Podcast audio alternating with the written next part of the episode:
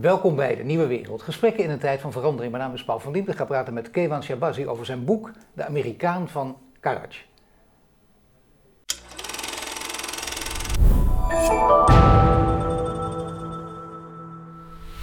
Welkom Kevan. Dankjewel Paul. Ja, het is een autobiografische roman. Hè? Zo mag je hem en zo moet je hem zelfs ook noemen. Dat is het ook. Eh, de hoofdpersoon is Pirous Sabet. Hij groeit op in een welgestelde familie in Iran, Perzië, onder de Shah. En de, de Shah, Faradiba, met name de oudere mensen van ons, die weten dat. Het was een soort sprookjespaar. En dan los van alle verhalen over CIA en alle uh, gevaarlijke negatieve zaken. In eerste instantie werd het door een groot publiek gezien als een geweldig paar, omarmd. En dan heb je ook nog, word je op, groei je op daar in een welgestelde familie. Mooier kan het niet, zou je zeggen. Ja. Wat, wat is er niet waar aan dat, dat sprookjesbeeld?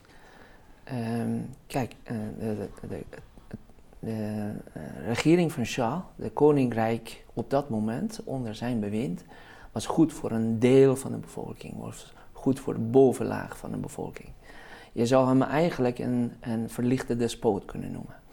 Uh, en de onderlaag van de bevolking, die leed aan armoede en uh, gebrek aan vrijheid, allerlei soorten vrijheden, voornamelijk de politieke vrijheid. Het concept van vrij zijn in het Westen. Vrij om te zeggen wat je wil, vrij om kritiek te geven, vrije pers, vrij om een boek te publiceren zoals je een boek zou willen schrijven. Dat bestond niet. Dat heeft nooit bestaan in de Iraanse geschiedenis. En, en mensen, eh, dat was een beroemde uitspraak van hem. En dit, dit, is, dit is het land zoals ik het regeer. Ben je daar niet mee eens? Je krijgt je paspoort, eh, kun je weggaan. Ja. En wat later gebeurde na Shah, was een vele graden erger.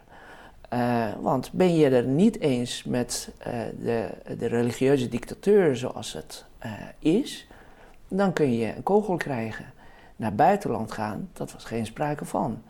Dus doordat het later veel, vele malen duisterder en erger was geworden, dan ontstaat een beeld alsof het vroeger een paradijs was. Maar dat was voor de bovenlaag van de bevolking waar ook ik en mijn familie toe behoorden. En niet voor de onderlaag. Ja, nu uh, is, is dit verhaal, dit is het grote verhaal natuurlijk over, over uh, ja, je zegt de sham, sham moet je zeggen, dus niet de sha, dat doe je altijd. Maar goed, dat was een, vooral niet denken dat dat een geweldige democratie was. Het is het nooit geweest, hoe dan ook niet. En daarna werd het alleen maar, zoals je zegt, veel erger. Niet een beetje, maar veel erger. 1979, een belangrijk jaar.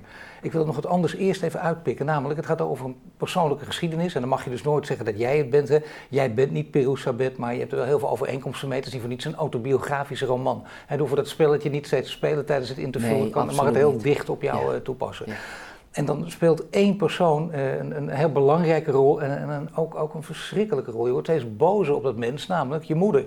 Ja. Of de moeder van Pirous, zal ik voor de duidelijkheid maar eventjes zeggen. Ja. Dat is de moeder die heel graag wil dat haar zoon, en dat is misschien wel wereldwijd herkenbaar, die wil dat haar zoon het, het beste leven krijgt dat er is. En niet voor haar zoon, maar voor haarzelf. Voor haar aanzien met name. En dat wil zeggen, hij moet een medisch specialist worden. Dat is het mooiste, dat is voor haar fijn. Dat is voor haar omgeving al fantastisch. Kijk, dat is een geslaagd leven. Maar helaas, die jongen die leest boeken en dat is het ergste wat er is. En die wil een hele andere kant op gaan. En een volkomen liefdeloze verhouding. Ja. En dat, dat staat ook voor een symbool van die bovenlaag van de, van de samenleving, toen onder Shah, die alleen op uiterlijkheden uit was, alleen op status en geld uit was, en geen enkele oog had voor wat onder, onderlagen van die samenleving, wat daar gebeurde en onder welke druk zij zaten. Ja, Shah was in 1963 eh, een hervormingsprogramma begonnen, die heette de Witte Revolutie. En onder andere uh, veel emancipatoire maatregelen voor de kiesrecht voor passief en actief voor vrouwen. Ehm, onderdelen van het leger gingen naar de dorpen om de analfabetisme te bestrijden. En heel veel van dat soort dingen. Onder andere een belangrijke onderdeel van die hervorming was landhervorming. Kijk, de geestelijken waren de grootste grondbezitters van in Iran. En, uh, en hij, uh, Shah wilde dat uh, de, de dagloners die op, die op dat land werkten, ook een deel van het land in bezit kregen, zodat ze zelf landbouw konden bedrijven. En vervolgens uit financiering van het deel wat die dagloners kregen, konden die grote grondbezitters staatsfabrieken kopen in grote steden. die hervorming mislukte. En die mensen die kregen de grond niet uiteindelijk. En die werden allemaal werkeloos en trokken naar de steden toe. En die moesten dan werken in de fabrieken van de vroegere grote grondbezitters. En die werden uh, eind, jaren uh, eind jaren 70 de grondtroepen van Khomeini uh, om die revolutie te laten slagen. Wat Shah gedaan had, was alle seculiere oppositiebewegingen uitschakelen. Hun leiders allemaal geëxecuteerd. In totaal 1500 mensen heeft hij laten executeren in zijn 25-jarige bewind. Tijdens zijn 25-jarige bewind. En vervolgens enige structuur wat, open, uh, wat over was, doordat hij heel erg bijgelovig was, was de structuur van die Shiïtische geestelijke en hun opleidingscentra aan moskeeën. Nou, Khomeini heeft in de loop van de jaren 70 de leiding van dat structuur overgenomen. En dat was de enige uh, structuur wat leiding gaf aan die demonstraties die door de hervormingen onder druk van Carter uh, uh, op gang kwamen. Ja, overigens voor de duidelijkheid, achter in je boek, daar gaan we straks uitgebreider op door, daar, heb je het over, over Carter, heb je het over zijn adviseurs, heb je het over ambassadeurs die allemaal beter hadden kunnen weten, maar nu zeker achteraf van een ongelofelijke naïviteit getuigden. Ja, de ongelooflijke onderschatting van de opkomende het islamisme. Uh, en, en, en dat was gewoon uh, links-intellectuelen zagen Khomeini als een soort nieuwe Gandhi. Die kwam op uh, en hij was tegen Amerika en tegen Israël en dan was hij direct goed. En kritiekloos, zonder zijn geschriften van tevoren gelezen te hebben, zonder de uh, de grote mate van antisemitisme wat in zijn gedachten was, in de gaten te hebben, gingen ze allemaal achter hem staan. Maar de entourage, voor de duidelijkheid, hè, de entourage van de Amerikaanse president Carter op dat moment, ook door velen geprezen, hoewel het natuurlijk uh, achteraf niet de beste president was, om het zacht uit te drukken, maar zijn entourage ook meende echt dit verhaal. Dachten echt dat ze met een soort Gandhi te maken hadden. Ja. Dus niet alleen uh, die linksintellectuelen, die, die, die, laten we de fruitschwebende intelligent, zo zagen ze zich, maar ook de mensen in die politieke entourage daar, ja. die helemaal beter hadden kunnen weten. En ze hadden, ze hebben, uh, kijk, je moet je voorstellen, Shaw op dat, had op dat moment uh, lymfeklierkanker en die gebruikte prednisol. En die was een beetje stuur kwijt. En doordat hij een, een, een eenmansdictatuur was, en hij, als hij geen beslissingen kon nemen, dan raakte dat leger, dat gigantische, enorm sterkste leger in het Midden-Oosten, raakte ook een beetje stuurloos. En, uh, en in plaats van daar orde op zaken te stellen, ging Carter in Parijs onderhandelen met Khomeini, ja. buiten Shah om. En ze dachten van, nou, hij komt straks aan de macht. En hij heeft in Parijs interviews gegeven. Uh, heeft hij gezegd van, nou, uh, als ik terug ben in Iran, ga ik terug naar Qom, een, een, een Shiïtische stad uh, buiten Teheran. De geestelijken bemoeien zich niet met politiek. Vrouwen zijn vrij om zich te kleden zoals ze willen. Alle politieke partijen zijn vrij. En dat hebben ze allemaal als zoete koek ingenomen. Ja. Nu zie je dat, um, dat iedereen daar last van heeft natuurlijk. Hij heeft een hele land last van. Het, het heeft inderdaad tot, tot hele grote verhalen geleid die, die ook in perspectief geplaatst moeten worden. Maar het kleinere verhaal is ook groot. Namelijk het verhaal, uh, wat, wat ik in net voorhield, hè, van Pirous en zijn moeder. En dat weten we allemaal. Ik bedoel, dan hoef je niet uh, naar Freud terug te gaan. Hoe lastig, hoe erg dat is. Dat doet toch, wat, wat doet het met iemand? Ja. Als je, als je een moeder hebt die later zelfs als de, de islamitische revolutie is uitgebroken, ook nog, ook als haar zoon wordt opgepakt, ook nog zegt het is de schuld niet van het regime, maar de schuld van haar zoon. Dus het ja. is te, te gek voor woorden nou, bijna. Je, je, kunt het vergelijken, dat is uh, met, met, uh, met vrouwen en meisjes die verkracht worden en vervolgens wordt gezegd het is jouw eigen schuld, ja. want je had je niet goed gekleed. Ja. Dat is hetzelfde mechanisme. En zij staat voor die samenleving, voor, voor, uh, voor die bovenlaag van de Iraanse bevolking, die, uh, die zich geen raad wist met opkomende uh, islamisme. maar ik had Pirus Sabbat nodig om een ander verhaal te kunnen vertellen. Want het doel van het boek was, en vandaar ook dat ik het 30 jaar over heb gedaan. Ik heb het wel in 12 maanden opgeschreven, maar elke hoofdstuk hoofdstuk uh, zong al 30 jaar in mijn hoofd. Ik moest dit verhaal vertellen, uh, omdat het verhaal van een generatie is, mijn generatie in Iran, die tijdens de Iraanse revolutie in 1979 net in de puberteit was gekomen. Dat waren jongeren van toen. Um, die hadden dromen, die, hadden, die droomden van vrijheid en van, van een betere leven en van, van, van, van democratie. En hoe die generatie een kopje onder is gegaan. Ik heb vier, vijf, zes vrienden genomen, uh, uh, ja. wat in, dat, in die roman langzaam uh, naar voren komen. En hun, hun lot beschreven als symbool voor die generatie. Om een voorbeeld te noemen, een van de vrienden wordt ook geëxecuteerd. De, de, de, ergste dingen eh, gebeuren met ze. En niet een beetje geëxecuteerd. Hè. Die, die Pirus ziet ook executies vanuit zijn gevangenschap door een luikje. Eerst een schot door het ene, de ene knie, dan door de andere knie en uiteindelijk dood. Het is, dat zijn allemaal keiharde dingen. En, en werkelijk gebeurt ook. Ja, maar je moet je voorstellen, die mensen, dat zijn gewone mensen die dat soort dingen doen. En dat zie je nu ook in Afghanistan. Dat zijn, dat zijn niet monsters die uit de lucht komen vallen. En wat, een, wat het islamisme, wat een, we hebben het in Syrië gezien, met onze eigen jongeren uit hier, uit de grote steden. Wat die ideologie met mensen kan doen. Op het moment dat je in alle fases van je lichaam van overtuigd wordt dat je een instrument bent van God, van een Allah, die uh, uh, de aarde moet zuiveren. Dus elke persoon, elke, elke individu die daar enige uh, tegenstelling in is, moet verdwijnen. En, en ze hadden het gevoel bij, dat bij elke kogel in het lichaam van een jongere van hun eigen leeftijd, dat ze dichter bij de hemelpoort kwamen. Nee, het is heel belangrijk, dus de boodschap, wat een ideologie met mensen kan doen. Met inderdaad mensen die, waarvan je in eerste instantie denkt, die zouden hier nooit toe in staat kunnen zijn. Maar de ideologie heeft ze zo, die, die breinen doordrenkt van, van, van, van gekkigheid, dat ze, dat ze dit soort dingen doen. Je zegt het moest geschreven worden. Ik heb er heel lang over gedaan. En dat, dat wordt hier in Nederland nog steeds gezien als, als iemand dat zegt melodramatisch en overdreven. En dat is het totaal niet. Hè. Dat vond ik wel mooi. Bij de boekpresentatie, jou, jouw uitgever zei precies hetzelfde. Dit boek moest geschreven worden. En die woorden moet je niet zo vaak gebruiken. Dat zijn hele grote woorden. En dan hoop je ook dat er enorm veel aandacht aan wordt gegeven. Want het is een generatieroman.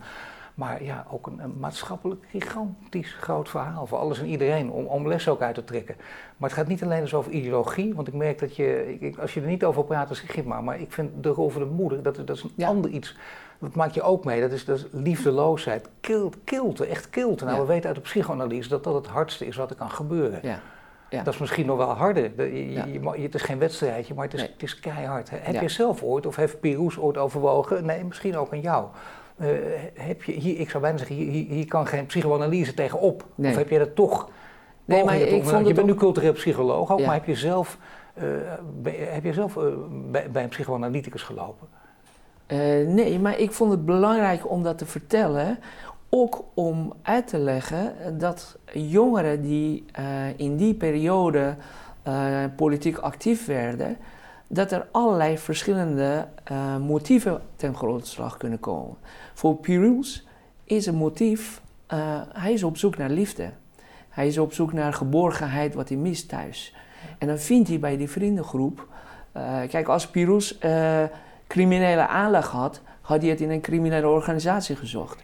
Dus we moeten reëel naar verschillende personages in het boek kijken. Wat zijn de pull- en push-factoren waardoor ze een bepaalde activiteit ondernemen. Maar je beschrijft wel hè, de welgestelde families in die tijd van de Shah. En dat het ook ging over uh, aanzien, status, allemaal begrijpelijk. Ik bedoel, dat hebben we overal eens wereldwijd. Er zijn er ook de geweldige films ook over gemaakt. En, en de, de, de meest dringende films en boeken over verschenen speelde dat voor bijna heel die, die generatie, die, laten we zeggen, de welgestelde mensen in die tijd, dat, dat bijna iedereen een soort liefdeloosheid en kilt had. Dat ontwikkel je als je andere zaken veel belangrijker vindt. Ja. Kijk, uh, moeder van Pirouz is iemand die... Uh, leeft voor de buitenwereld. Leeft voor de buitenwereld. En dat is tegelijkertijd ook cultuurkritiek. Dat is, zij was en nog steeds niet is de enige die dat zo is. Dat, dat heeft met ook met de Iraanse cultuur te maken dat je buitenwereld en binnenwereld twee totaal verschillende dingen zijn. Ik moest er in Nederland heel erg aan wennen dat de afstand tussen buiten en binnen heel klein is. En, en in Iran, ik denk in, uh, over het algemeen in het Midden-Oosten, is die afstand vele malen groter. Dus naar de buiten toe blaas je jezelf op en iedereen vanuit een soort respect uh, bevestigt dat. En in de binnenwereld heb je een hele andere, heel ander leven. Uh, dus dat is, dat, dat is misschien maar moeilijk vindt, hier voor te stellen. Nee, dat is heel goed om dat, is heel goed om dat, dat, dat, dat, is, dat is zeker voor te stellen. Maar dat de verschillen zo enorm groot zijn. Ja. Dat hangt er ook vanaf, in Nederland natuurlijk ook. Hè, dat hangt er vanaf bij, in, bij welke groepen je tot welke groepen je behoort, bij wie je, waar je onderdeel van uitmaakt. Maar waarom vind je dat het hier zo dicht bij elkaar zit dan? Nou, ik, ik vind dat egalitarisme in de Nederlandse cultuur een hele interessante. Ik heb heel lang over nagedacht waar zou het door kunnen komen. De enige verklaring waar, waar ik voor zou kunnen hebben zijn. Uh, de strijd is, nou, klassieke, is eigenlijk een klassieke verklaring. De strijd tegen de water. Door de waterschappen uit de 11e eeuw moesten gemeenschappen in lage landen echt heel hecht zijn om samen tegen, tegen het water te strijden. En daardoor uh, is dat egalitarisme in de Nederlandse cultuur ontstaan. Maar is dat er? Is natuurlijk nu een hele grote. Door die tijd van polarisatie gaat het voortdurend over. De, degenen die boos zijn, die hebben het voortdurend over de elite. Het staat heel erg tegenover elkaar nu, zou je zeggen. Ja, ja. ja nou, ik, ik zie, als, als je het over elite hebt, dan zou ik zeggen van ga in het Midden-Oosten kijken. Uh, hoe elite daar leven en wat een groot verschil is met, we hebben het over die uh, uh, wereldkampioenschap voetbal gehad of in Qatar. ga kijken hoe elite daar leeft en hoe arbeiders leven, wat het, hoe groot dat verschil is. Dus ik vind dat verschil van elite in Nederland, in Nederland kun je als een arbeiderskind kun je gewoon naar de universiteit, kun je, uh, kijk naar mij. Ik bedoel, waarom gaan we ver weg? Ik ben met 100 dollar naar Nederland gekomen. En op een gegeven moment zat ik naar minister Borst, naast minister Borst in de Tweede Kamer, haar antwoorden op te schrijven als ambtenaar. ja, wie bedenkt dat? Ja. En, en, en tien jaar daarvoor zat ik in een cel in Iran, werd ik gemarteld. En, en ja, dus dat kan ik moeilijk geloven, dat er groot afstand is tussen elite en gewone, gewone mensen in Nederland. Ja, dat is, dat is altijd heel moeilijk, hè? want dat is het omdat uh, vanuit jouw perspectief heb je volkomen gelijk, maar degene die, veel mensen die dat perspectief missen, dat perspectief ook niet, ook kennen, maar niet daadwerkelijk hebben meegemaakt, is natuurlijk heel lastig, hè? omdat je op die manier alles ook kunt relativeren. Dat is bijna het idee van eet je bordje leeg, want in Afrika hebben ze het veel slechter dan jou, dat argument. Nee, maar dat, dat is niet mijn argument. Ik zeg, uh, kijk ook buiten. Ik, ik, ik kan ik kan enorm boos worden als mensen gore lef hebben en Davidster te dragen en gaan demonstreren uh, in, in de coronatijd, dat hun vrijheden beperkt zijn, dat ze zich uh, in de dictatuur bevinden. Totaal buiten proportie. Dat, vind ik, daar kan ik zo boos om worden. Uh, en, en ik denk van, ja, je hebt geen idee wat dictatuur is. Je hebt geen idee wat vrijheid is. wees een beetje zuinig op dit land. En wees ook een beetje zuinig dus op je taal en woordgebruik, want daar gaat het om ook. Hè? Ja, eh, Als je dat nu al roept, dan eh, nou ja. Woorden hebben een betekenis, hebben een bepaalde betekenis. Je moet goed nadenken eh, voordat je een woord gebruikt. Piroes, een hele gevoelige jongen ook. Uh, houdt ook niet alleen van literatuur, maar ook van poëzie. Uh, Rutger Kopland, hè, ook, uh, je houdt heel veel van Rutger Kopland aan. Hele mooie gedichten ook. En zeker in deze context, als je dat ziet. Zo echt heel goed gekozen. Dat is al een reden om dat boek eens met heel veel nadruk en aandacht te gaan lezen, zou ik bijna zeggen. Maar dan toch, ten opzichte van, van nou ja, die moeder, ten opzichte van die ouders, dat is geen leven. Dat is verschrikkelijk. En je had je inderdaad overal bij aan kunnen sluiten. Dat Piroes ook gekund. Ja. En er is er dan zonder geestelijke steun uitgekomen. Dat is bijna onvoorstelbaar. Ja, dat is. Uh, uh, maar goed, dit, dit is eigenlijk een monument voor die generatie. Dit, dit boek moest ik schrijven. Dit, dit zat mij al 30 jaar in de weg om iets anders te schrijven. Ja. Dit moest uitkomen. En, en, en ik, ik hoop echt oprecht Ehm, dat dit internationaal, uh, dat het vertaald wordt in het Engels en gelezen wordt. Want mijn doel is, kijk, ehm, dat is, dit is een Joodse uitdrukking, maar dit is ook een Perzische uitdrukking. Mensen die niet genoemd worden, dan, dan gaan ze pas sterven. Ik hoop dat dit internationaal gelezen wordt. Elke, elke lezer die dit boek leest, eh, dat hij de naam van die, uh, van die geëxecuteerde vrienden van mij gaat opzeggen. En zolang hun namen gezegd worden en uh, uitgesproken worden, hoop ik dat ze een beetje nog leven. En ze staan voor een generatie. Ik heb, je hebt net verwezen naar de noten in het boek aan het eind van het boek. Um, er zijn tienduizenden, ze staan voor tienduizenden jongeren die in 1988 zijn afgeslacht door degene die nu president is van Iran. Waar, waarvan je nu af en toe zelfs in Nederlandse media leest dat ze. Het was een gematigd regime en nu gaat het de verkeerde kant op. Dan word je dus helemaal. Dan, dat, dat is, dat, dat, om, om echt, dan word je pas echt woedend. Het is volkomen gefantaseerd. Er is niet gematigd, er is geen gematigdheid in het Iraanse regime. Er zijn geen hardliners. Dit is één regime. Enige oneenigheid wat ze onderling hebben, zijn hun persoonlijke belangen. Uh, en en dat, zijn, dat, zijn, dat zijn corrupte belangen. Er is geen enkele verschil tussen de voorganger van Ibrahim Raisi, die de, een van de grootste misdadigers is in de Iraanse geschiedenis, en zijn voorganger. Zijn voorganger zat zijn hele carrière lang in de, in de Iraanse veiligheids, veiligheidsdiensten. Zij coördineerde de verschillende veiligheidsdiensten. Ja, maar zij konden in die tijd al, hè, hebben het over, over, dan gaat het over, over 1979, een belangrijk jaar waar we het zo over gaan hebben. Toen konden zij, de minister, de Amerikaanse president plus een entourage volledig zand in de ogen strooien, maar nu lukt het ze nog. Ja. Bij machthebbers en bij mensen in vooraanstaande mediagebruikers. Ja. En dat, uh, dat, dat, dat kan ik gewoon niet begrijpen. Ik begrijp niet waarom uh, de linksintellectuelen in het Westen zich op die manier met een uh, kluitje het rietraad uh, insturen. Dit is een regime wat je kunt vergelijken. Maar kun je niet begrijpen of heb, jij hebt het juist toch willen. Je, je bent hier zo lang mee bezig, omdat je teen het boek ook. Na 30 jaar lukt het je uiteindelijk om het te schrijven. Ja. Wat, wat, op zichzelf al een waanzinnige prestatie is. Maar dan heb je daar toch ook een antwoord op kunnen vinden op die vragen. Om juist linkse intellectuelen, als Foucault bijvoorbeeld, die je ook natuurlijk aanhaalt. Maar om die zich totaal niet te inpakken. Sartre ook. Ja, ja, uh, leg, het, leg jij het maar uit. Uh, Foucault, uh, zelf homoseksueel. Je zou kunnen zeggen op het moment dat Khomeini in, in Parijs was, dat hij om de tuin is geleid. Ja. Maar nadat Khomeini naar, naar Teheran was teruggegaan, nadat de moorden begonnen was, was hij nog steeds de voorstander van dat regime. Ja. En, en toen de Gal Ghali, dat is de naam van een rechter, bekende rechter uit die periode, uh, de homoseksuelen op de pleinen ophing, die ik met mijn eigen ogen heb gezien, was Foucault nog steeds voorstander van het regime.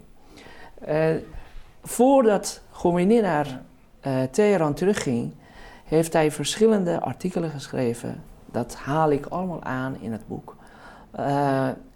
als ja, hij, hij, hij, hij, presenteerde de beweging van Khomeini als een soort ins, uh, spirituele beweging. Uh, tegen het communisme, tegen het socialisme en tegen het liberalisme. Maar de overeenkomst met fascisme zag hij niet. En dat is wat er nu ook gebeurt.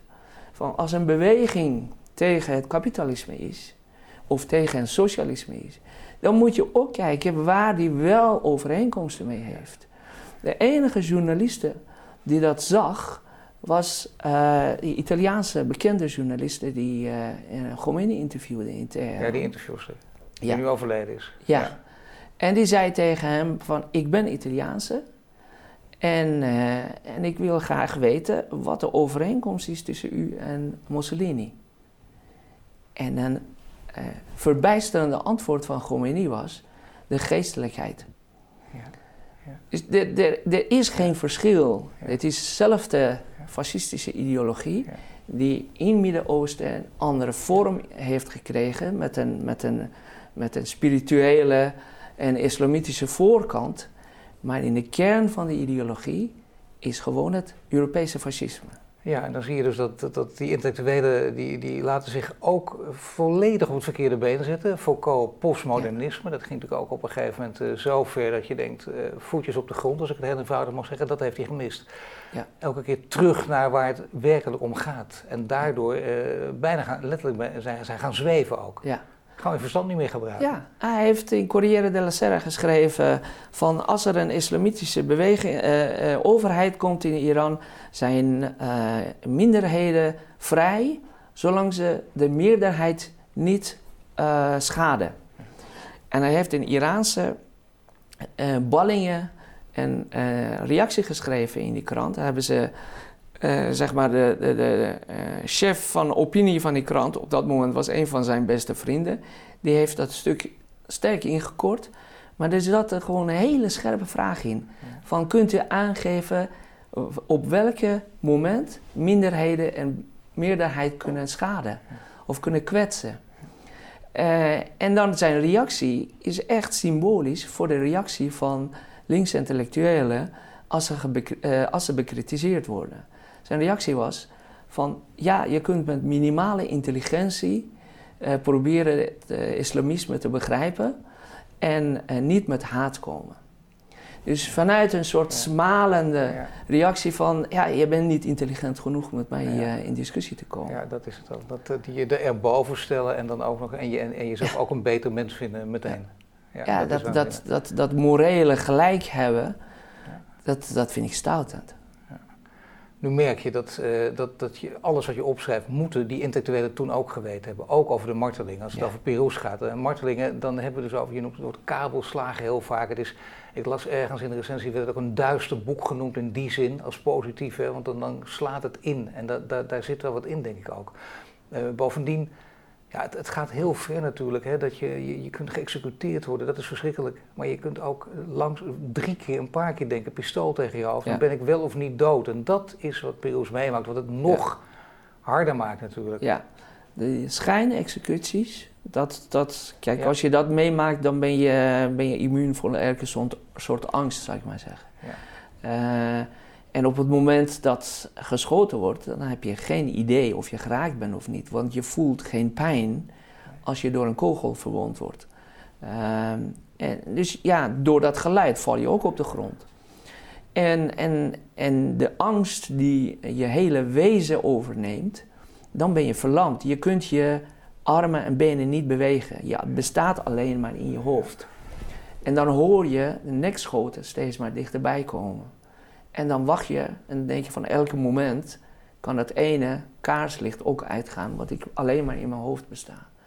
En dan gaan ze weer verder.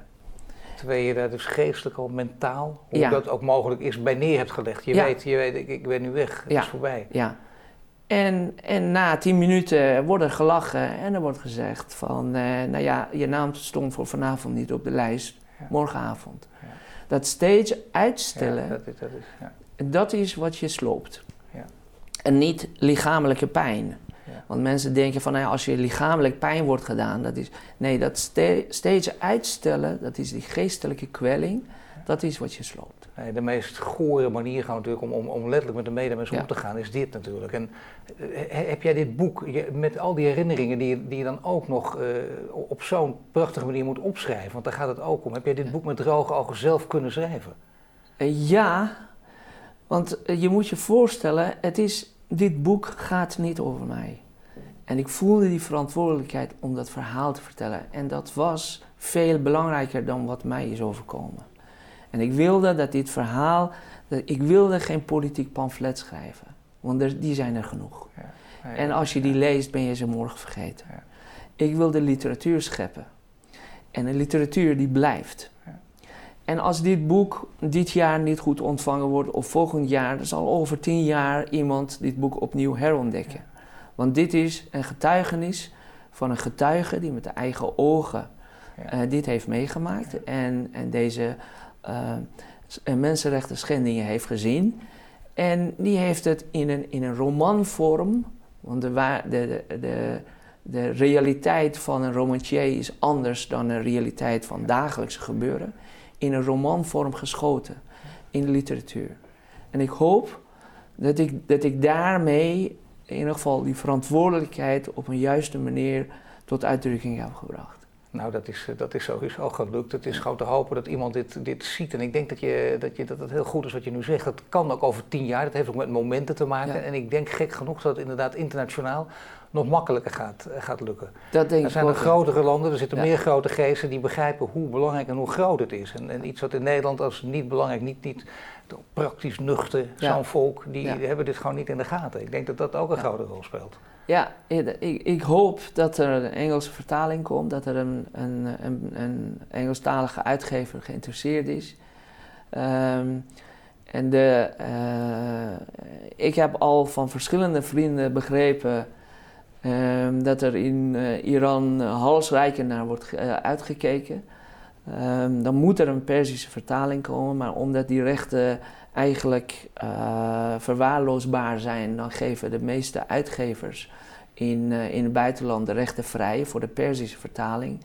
En dan gaan ze via pdf'jes, uh, worden ze beschikbaar gesteld voor, voor mensen in Iran. Maar hoe gevaarlijk is dat voor jou? Ik bedoel, volgens mij er staat al een fatwa op je hoofd, maar dan er komt er nog eentje bij. Ja, nou, ze doen maar. Ik ben echt niet meer bang voor ze.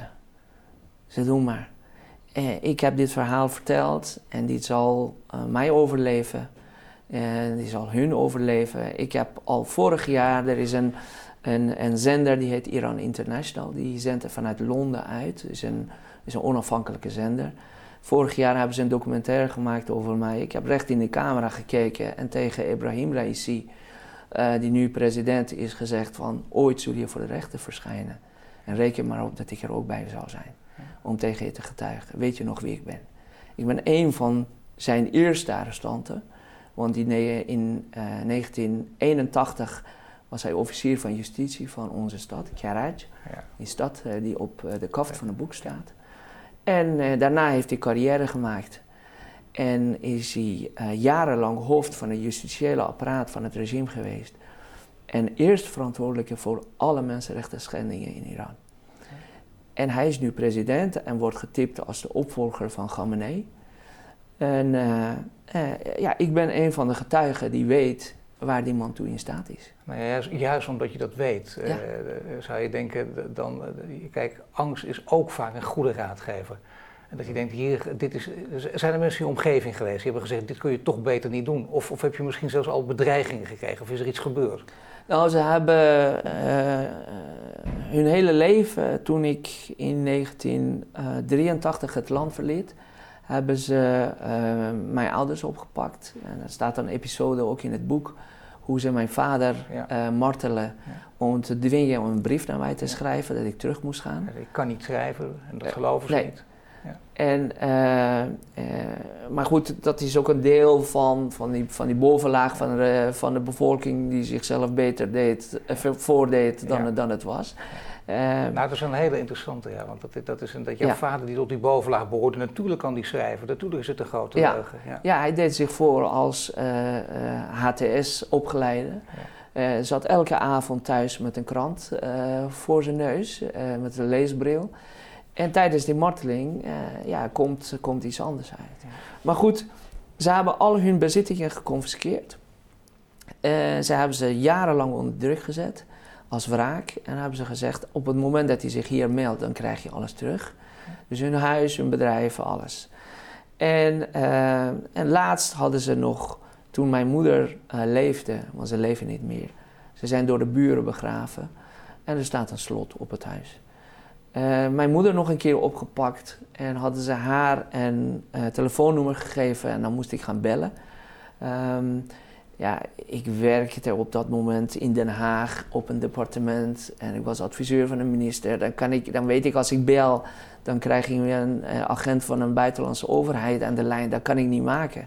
Dus ik heb eerst toestemming gevraagd en dat mocht. Heb ik gebeld en dan krijg ik natuurlijk een, uh, een agent van het ministerie van Informatie. En die deed alsof hij mijn beste vriend was. Ja. Uh, van uh, nou ja, ik geef je een, een, code, ga je daarmee naar de Iraanse ambassade in Den Haag, krijg je een paspoort. En dan kom je jezelf op de vliegtuigtrap afhalen. En je hebt amnestie gekregen van onze opperste leider. En, nou, op dat moment zit je in tweestrijd van hoe moet ik hier reageren, want ze hebben mijn moeder. Dus dan probeer je een beetje ja, ze geruststellen, oké, okay, je komt terug, maar over een paar maanden als het nieuwjaar is. En, maar uh, hij zei toen ook tegen mij, we zijn je niet vergeten. En we weten veel meer van je dan je zelf denkt. En we weten waar je woont, we weten wat voor werk je doet. En je weet dat het geen loze bedreigingen zijn dit. Er zijn al twee uh, Iraanse uh, dissidenten in Nederland doodgeschoten. Kijk, mensen leven hier met die uh, mokromafia. En 20.000 euro waard. Uh, ze hoeven het tegenwoordig zelf niet meer te doen. Want vroeger stuurden ze iemand. Maar uh, reden te meer om hoe belangrijk het is. Want dit, dit is je leven, dit is gewoon je leven. Dit, hier gaat het om, belangrijk je leven. Dit moest gebeuren en, en ook, dit moet ook veel meer aandacht gaan krijgen. Dat gaat door voor jou. Maar dan toch, weet je wat er gebeurd is, wat je hebt meegemaakt, dan maar niet. Je, wil je leven niet op het spel zetten. En dat doe nee, je wel. maar als de, als, de, als de voorwaarde daarvoor is dat ik mijn mond moet houden, dan gaat het te ver. Kijk, je, je bent voorzichtig en je gaat niet met je adres op internet. Uh, ja, ik heb jarenlang geprobeerd mijn foto van internet af te halen, maar op het moment dat je er bijvoorbeeld gevraagd wordt om een kolom te schrijven in een krant, dan denk je van ja, uh, ja. Dan, kan ik niet, dan kan ik niet zeggen, nou, als mijn foto ja. maar op internet komt, oké, okay, maar ik moet dit verhaal vertellen. Want de hele columnschrijverij was een poging om dit verhaal te vertellen. Ja. En, en dit is mijn getuigenis.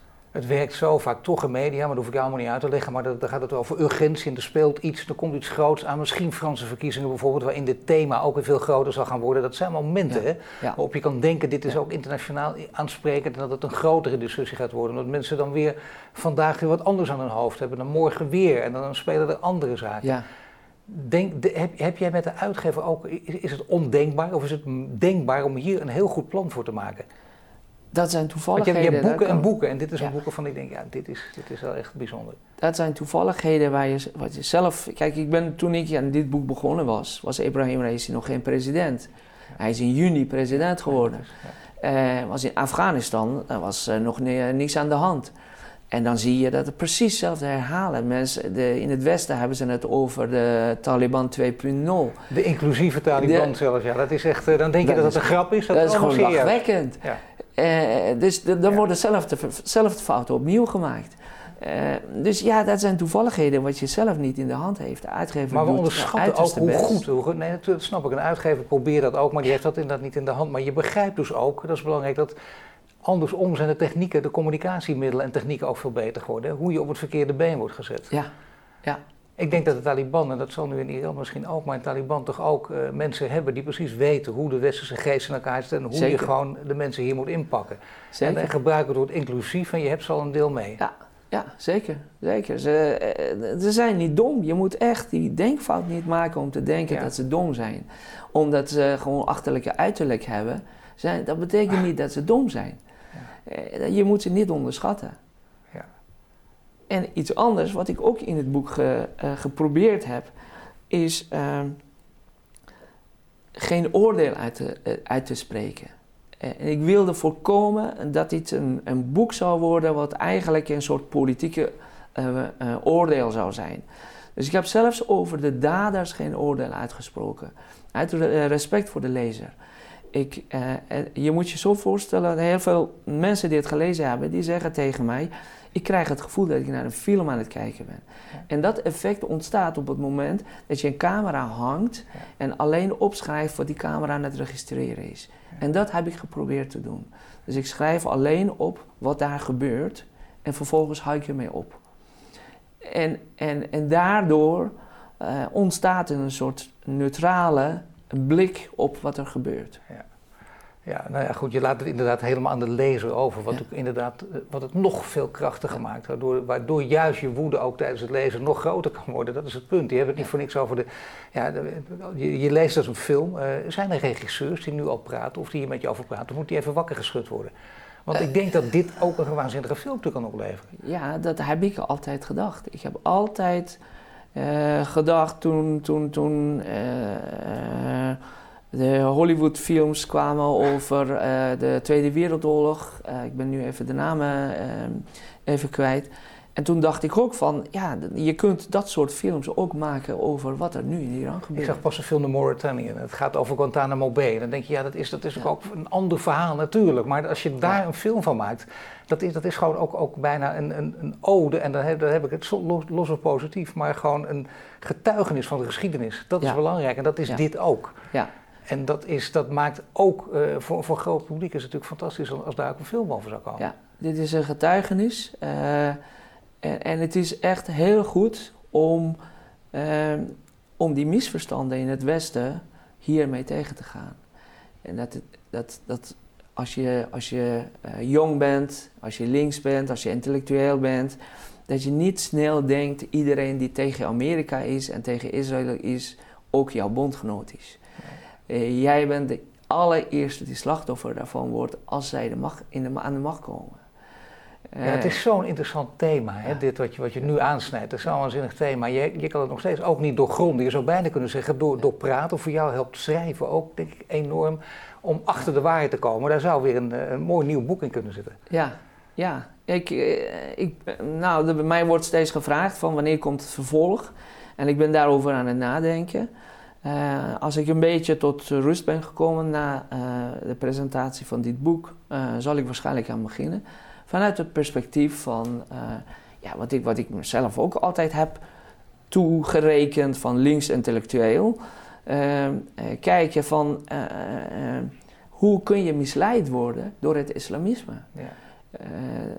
en vanuit het, het gevoel van gelijkheid, gevoel van ideaal, van ja, iedereen, dus ook de, de moslims moeten hetzelfde recht hebben. Natuurlijk.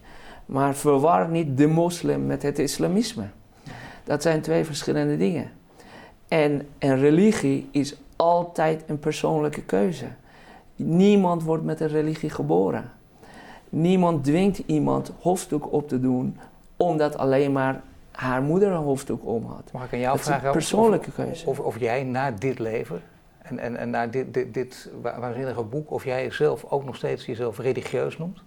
Nee, ik, heb, ik, heb, uh, ik beschrijf in het boek hoe twijfels ontstaan. Ja. En vervolgens probeer je, ik heb altijd geprobeerd onafhankelijk te zijn. Ja. Zelf nadenken. Uh, me niet in een kamp uh, toerekenen en achter andere mensen aan te lopen. En op het moment dat je zelf onafhankelijk nadenkt, zelf keuzes maakt, zelf probeert dingen te begrijpen, dan, dan, dan ja, ik kon in ieder geval niet religieus zijn. Uh, maar dat is ook mijn advies. En, en jongeren die in een islamitisch gezin opgroeien in Nederland, denk zelf na. Maak je eigen keuzes. Op het moment dat je ouders een, uh, andere keuzes hebben gemaakt, dat betekent niet dat je automatisch die keuzes nee, moet overnemen. Nee, zeker. En als je een andere keuze maakt, dat is geen verraad ten opzichte van je ouders. Jij bent iemand anders. Maar zo wordt het vaak genoemd. Hè? Dat, dat geldt eh, van, van uh, vader op zoon, van moeder op dochter. En uh, dat gaat door. Maar zo wordt het ook vaak in de politiek genoemd. Je was links intellectueel. En stel dat je jezelf niet meer zo noemt. Dat is ook, wordt alles verraad gezien. Dat is ook ja. onvoorstelbaar. Je kunt ja. ook gewoon een, een je kunt voortschrijdend inzicht, uh, ja. dat kun je met, met, met een grap kun je het zo noemen. Maar je kunt ook zeggen, of je gaat een andere kant op. Je van, van rechts word je links, van links word je rechts. Maar je kunt veranderen in je leven. Ben je, noem jij jezelf nog steeds een links intellectueel of niet?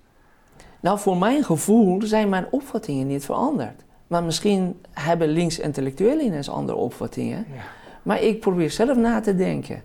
Uh, ik ben voor vrijheid, ik ben voor gelijkheid, ik ben voor emancipatie. Uh, ja, als dat rechts is, ja, dan ben ik dan maar rechts. Maar uh, dat, ja, ik ben progressief en niet conservatief. misschien moeten we het in, in, in, ja, in, in, die termen spreken. Ehm, maar, maar luister, iemand die nooit van mening verandert, die staat stil. Ja. Dus op het moment dat je tot een nieuw inzicht komt en van een mening verandert, dan, ja, dat, dat, ik hou van dat soort mensen. Ja. En als je niet stilstaat, dan, uh, dan, word je, dan wordt het als verraad gezien, wat natuurlijk echt een contradictio is. Echt ja. waanzinnig ook natuurlijk. Ja. Ik zou zeggen, uh, ik, ik, hoop echt dat het verfilmd wordt, dat, met name internationaal. Ik denk dat dat gaat gebeuren. Dit is, dit is voor Engeland, Amerika natuurlijk ook fantastisch om zo'n boek. Bovendien, uh, geweldig boek. Uh, het is, normaal gesproken vind ik dat ook, ik als interview dat niet te veel moet zeggen, maar in dit geval toch maar een keer wel. Kevan Shabazi, de Amerikaan van Karachi. Hartelijk dank voor je komst. Dankjewel.